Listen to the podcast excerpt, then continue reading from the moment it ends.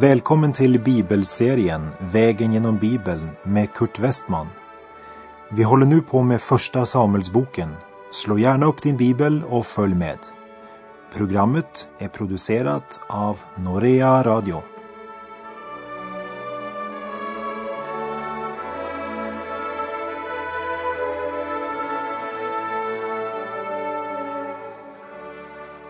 Vi har kommit till kapitel 29 i Första Samuelsboken och därmed ska vi på nytt ta upp tråden från kapitel 27 där David blev så missmodig och förtvivlad på grund av Sauls ständiga försök att ta hans liv. Och när Davids tankar blev mer upptagna av Saul än av Gud blev han inte bara missmodig men han började bygga sina handlingar på sina egna mänskliga spekulationer. Hur ska det nu gå med mig? Hur ska jag klara mig? Ja, när jag och mig kommer före Gud, då blir våra handlingar lätt styrda av de yttre omständigheter. När David börjar tvivla på Guds löften och hans omsorg, då tar han sin tillflykt till Israels fiender, filisteerna. Det är ett sidospår i Davids liv. Och här i kapitel 29 ska vi följa David på detta sidospår. Vart David än vänder sig bland dessa filister kommer han ständigt att vara i situationer där han måste göra sådant som inte alls harmonierar med Guds kallelse att vara Israels konung. För eh, filisterna, de är i högsta grad Israels fiender. Men efter att ha levt bland filisterna en tid så blir David god vän med Akis, filisterkungen i Gat, som skänker honom staden Siklag. När Israel intog löfteslandet, då hörde Siklag med till de städer man erövrade. Men på Sauls tid så var Siklag åter i filisternas händer. Och när David nu får just Siklag så blir det många israeliter i området som sluter sig till David. Och när det bryter ut krig igen mellan Israel och filisterna hamnar David i ett dilemma. Eftersom filistekungen Akis är hans vän som har skänkt honom staden Siklag. David har fått den staden av Akis och står därför i tacksamhetsskuld. När ett Guds barn står i beroendeställning till Guds fiender blir vingarna bundna. Men om David har svikit Guds plan i denna period så har inte Gud glömt David eller Israel. Och vi ska se hur Gud griper in och förhindrar att David måste strida mot sina egna landsmän. Första Samuelsbok kapitel 29 och vers 1. Filisterna drog samman alla sina styrkor till Afek medan israeliterna hade sitt läger vid källan i Israel. I avdelningar på hundra och tusen marscherade filisterna upp under sina hövdingar. Sist kom David och hans män tillsammans med Akis. Du kan gärna stryka ett streck under orden Israeliterna hade sitt läger vid källan och så orden Filisterna under sina hövdingar. När kriget bröt ut marscherade alltså David tillsammans med filisterna. Och alla hövdingar bland filisterna kände väl till David och tyckte inte alls om att han marscherade med dem. Och de protesterade därför starkt emot att David skulle delta. Och det med all rätt. Även om David låg i konflikt med Israels kung fruktade filisternas hövdingar att David och hans män plötsligt skulle angripa dem i ryggen. Så till och med filisterna reagerade på denna allians mellan Akis och David. Och ibland kan ett Guds barn hamna på ett sidospår och leva som en världens vän och delta i sådana ting som gör att till och med ofrälsta reagerar. För de vet att en troende har egentligen ingenting där att göra. Och de ansvariga bland filisterna sa nu klart ifrån. Vi ser i vers 3. Då frågade de filisteiska befälhavarna, vad har de där hebreerna här att göra?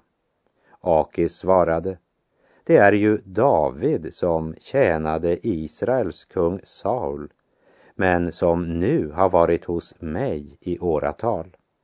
Jag har inte haft något att förebrå honom sedan den dag då han gick över till mig. Lägg märke till vad filistehövdingen Akis säger sedan den dag David gick över till mig. Det var inte Akis som hade gått över på Davids sida, men David som hade gått över till Akis. Men de övriga filisteernas befälhavare är mer klarsynta än både Akis och David. Vers 4 och 5. Då blev befälhavarna förargade och sade åt Akis att skicka tillbaka David till den stad som han hade fått i förläning. Han får inte dra i krig tillsammans med oss.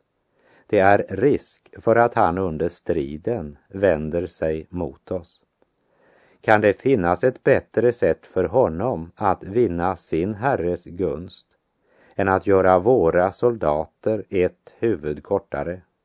Kom ihåg att det är denne David det sjunger om när det dansar. Saul har slagit tusen, David tio tusen. Vad har hebreer att göra tillsammans med filister i strid? frågade de filisteiska befälhavarna. Och i det nya testamentet tar Paulus upp samma tema i Andra Korinthierbrevet 6, vers 14 och 15. Gå inte som omaka par i ok med dem som inte tror. Vad har väl rättfärdighet med orättfärdighet att göra? Eller vad har ljus gemensamt med mörker? Hur kan Kristus och Beliar komma överens? Eller vad kan den som tror dela med den som inte tror? Vad har det där hebreerna här att göra, sa filisternas befälhavare. Ja, ibland kan världens barn vara mer klarsynta än en kristen bekännare som allierar sig med världen. Och vi läser i Första Samuelsbok 29, vers 6 till och med 11. Akis kallade David till sig och förklarade Så sant Herren lever är du en ärlig man och jag är mycket tillfreds med att ha dig i min tjänst i Herren. Jag har inte funnit något att klandra dig för, allt ifrån den dag du kom till mig. Men du är inte väl sedd av hövdingarna. Vänd nu tillbaka i lugn och ro så att du inte retar dem. Vad har jag då gjort? undrade David. Har du funnit något att klandra mig för under den tid jag varit i din tjänst? Eftersom jag nu inte får dra i strid mot dina fiender, min herre och konung. Akis svarade, Nej, det är sant att jag inte har funnit något sådant. I mina ögon är du som en Guds ängel, men befälhavarna vägrar att låta dig kämpa tillsammans med oss. Tidigt i morgon ska du därför bryta upp, du och det av din herres tjänare som du har med dig. Ni ska gå tillbaka till den stad som jag förlänade er. Var inte bitter, jag har fullt förtroende för dig. Se till att ni kommer iväg tidigt. gå så snart det ljusnar. Så anträdde David och hans män återfärden till Filisternas land tidigt följande morgon. Akis får alla de övriga befälhavarna mot sig, så det är nog inte lönt att ha någon handuppräckning här. Akis måste böja sig för den totala majoritet som Davids motståndare utgör. Det är trots allt naturligt. De är ju filister. Och för att bevara enheten bland filisterna är Akis tvungen att be David vända sig till Siklag igen. David får erfara att den som har sin rikedom bland filisterna blir också filisternas tjänare. David hade väl knappast angripit sitt eget folk, men eh, trots allt hade David i otro lämnat det land som var givet till honom genom Guds löfte. Det var inte Gud som kallade David att fly till filisterna. Men denna handling föddes utifrån mänskliga spekulationer och tvivel på Guds makt och tvivel på Guds vilja att beskydda honom. Och detta steg i otro var också ett steg ut ur Guds plan. Och när han går ut ur Guds vilja med sitt liv så öppnar han därmed också för synd i sitt liv. Att en kristen kommer ut ur Guds plan med sitt liv betyder inte att han förlorar frälsningens gåva. Men han kommer att få problem som vi ska se i nästa kapitel.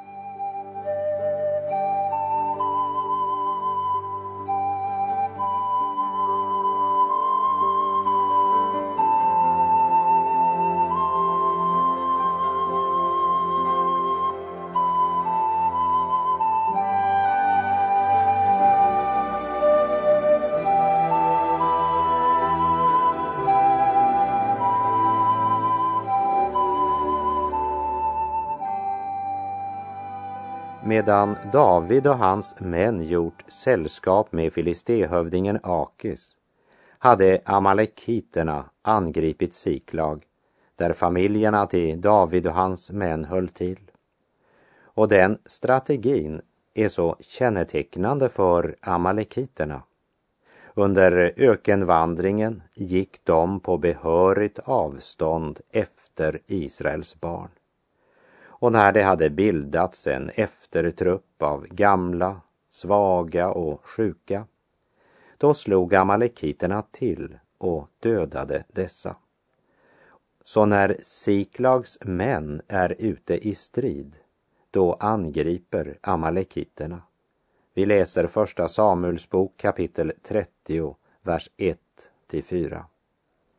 Två dagar därefter kom David och hans män fram till Siklag.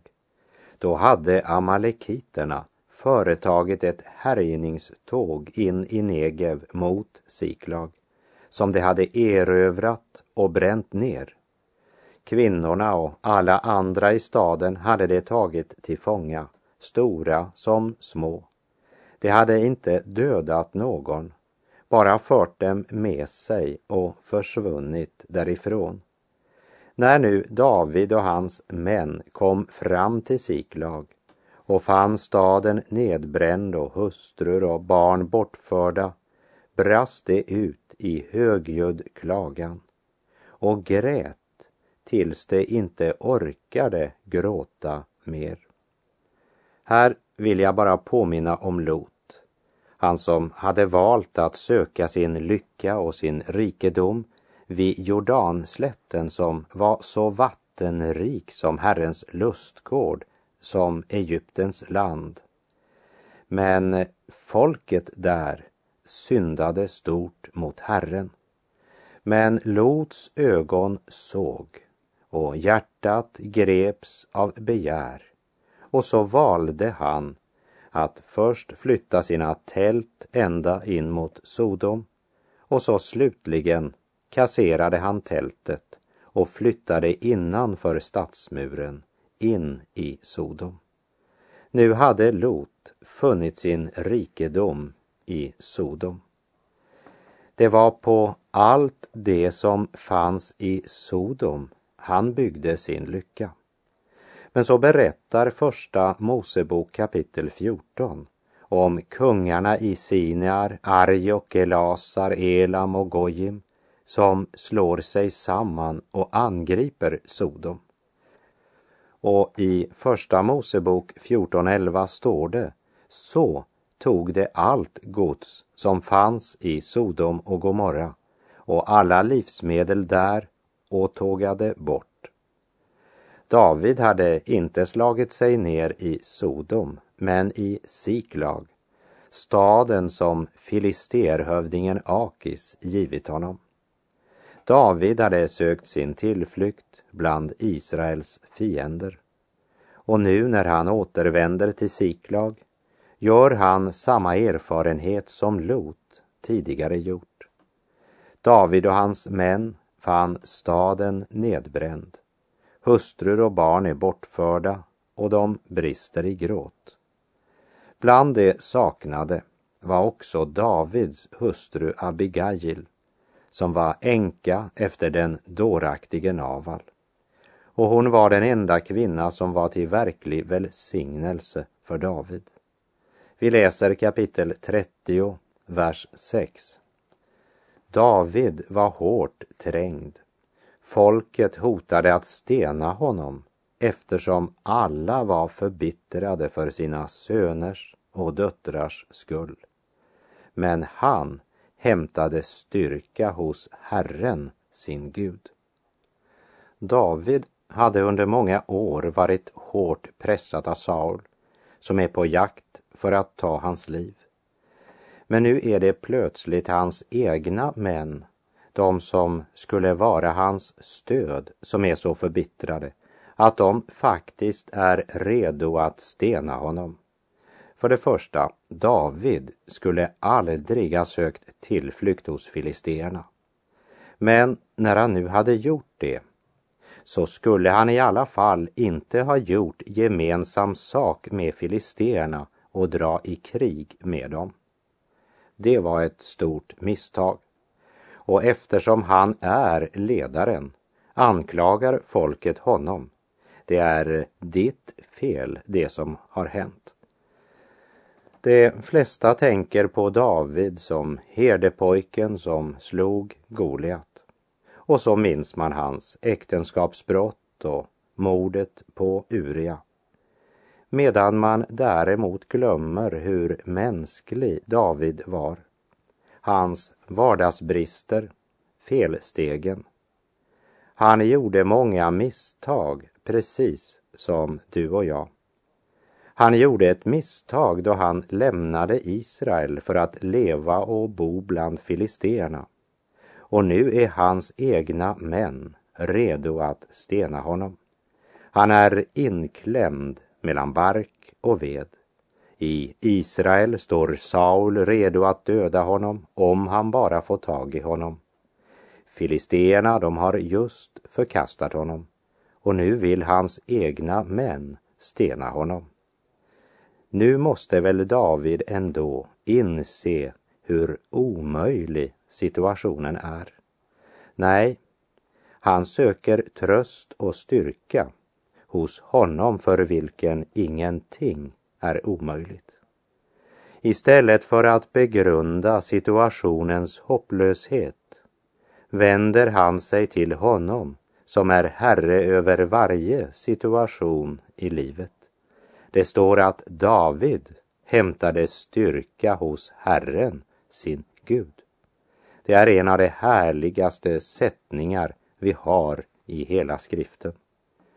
Kära vän, det finns stunder i livet då omständigheterna inte kan skänka oss varken någon tröst eller lycka. Det är stunder då vi hamnat mellan bark och ved som David. Ju mera vi ser oss om och ju mera vi funderar över saken, desto hopplösare ser det ut. Till och med de som skulle vara vårt enda stöd står där med stenar i sina händer och deras blickar talar sitt tydliga språk. Det finns ingen utväg. Det är hopplöst. Vad ska vi göra då? Bli missmodiga? Ge upp? Säga att nu är vi färdiga? Finito. Min vän, om vi är Guds barn ska vi hämta styrka hos Herren. Vända oss till honom i denna vår gränslösa nöd, för hos honom kan nöd bli nåd. Och det har jag också upplevt i mitt eget liv. Han vill uppenbara sig för oss. Det var i situationer som den här som David skrev de salmer som är oss till störst hjälp. När livets stormar rasar, när nöden tränger på, då kan du stappla dig fram genom saltarsalmerna och finna de ställen där David har blivit styrkt av Herren. I Saltaren 34.9 står det Smaka och se att Herren är god. Säll är den man som tar sin tillflykt till honom. Och i Saltarsalmen 107, vers 1 och 2. Tacka Herren, ty han är god. Ty hans nåd varar evinnerligen. Så må Herrens förlossade säga, det som han har räddat ur nöden. Det är inte något som David har läst sig till vid en teologisk ämbetsexamen. Det är något han har erfarit i sitt eget liv. Davids salmer är inte ett föredrag men ett vittnesbörd.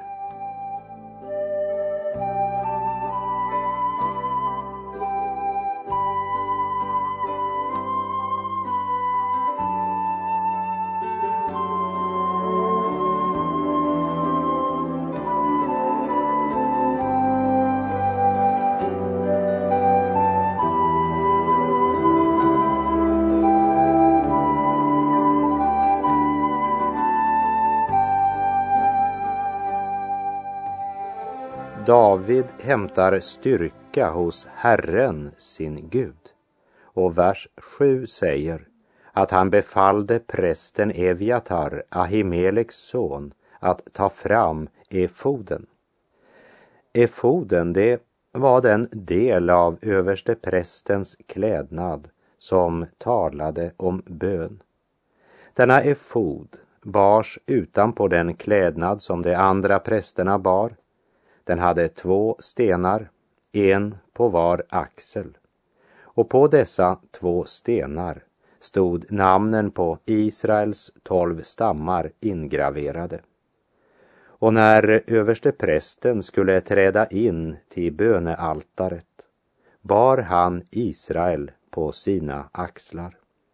En stark bild på Kristus, vår överste präst, som bär oss på sina axlar. Kommer du ihåg eh, berättelsen om det förlorade fåret? Vad gjorde herden? Han la fåret på sina axlar och bar det hem igen. Kära vän, jag vet inte vem du är eller var du är. Men jag vet att Herren är beredd att komma till dig lägga dig på sina axlar och bära dig hem till fårahuset.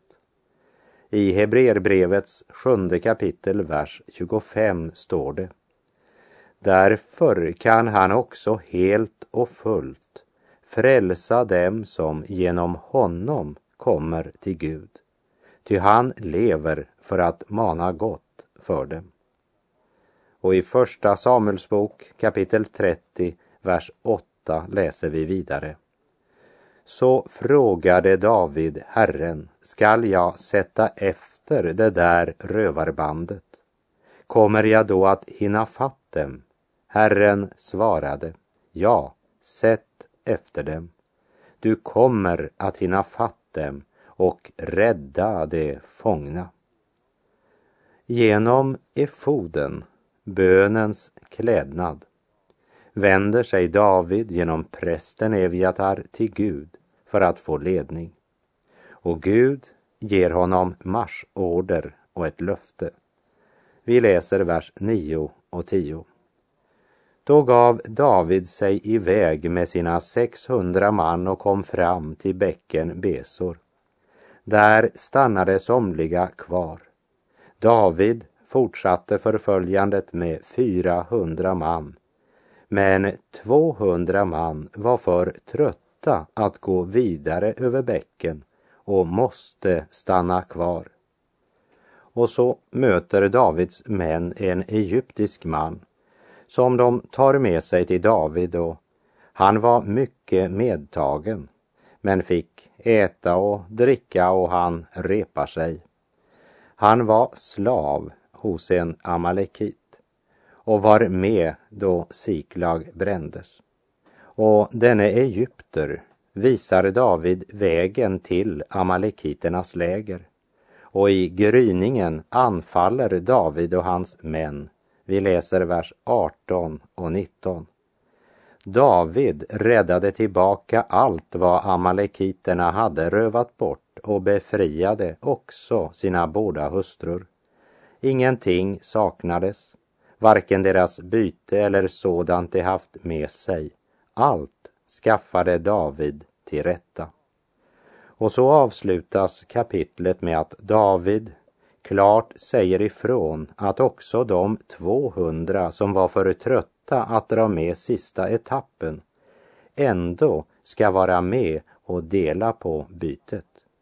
Samma lott åt den som vaktar trossen och åt den som går med i striden. Alla ska vara med och dela, säger David. Och vers 25. Från den dagen gjorde David detta till regel och rättesnöre i Israel och så är det än idag. Utgångspunkten för Davids seger, det var en hopplös situation. Saul står honom efter livet. Filisteerna har förkastat honom. Siklag, staden David fått, är nedbränd. Familj och ägodelar bortrövade och hans egna män vill stena honom. Vad gör David då? Jo, David hämtade styrka hos Herren, sin Gud. Meditera över det tills vi möts igen. För nu är tiden faktiskt ute för den här gången. Herren vare med dig. Må hans välsignelse vila över dig. Gud är god.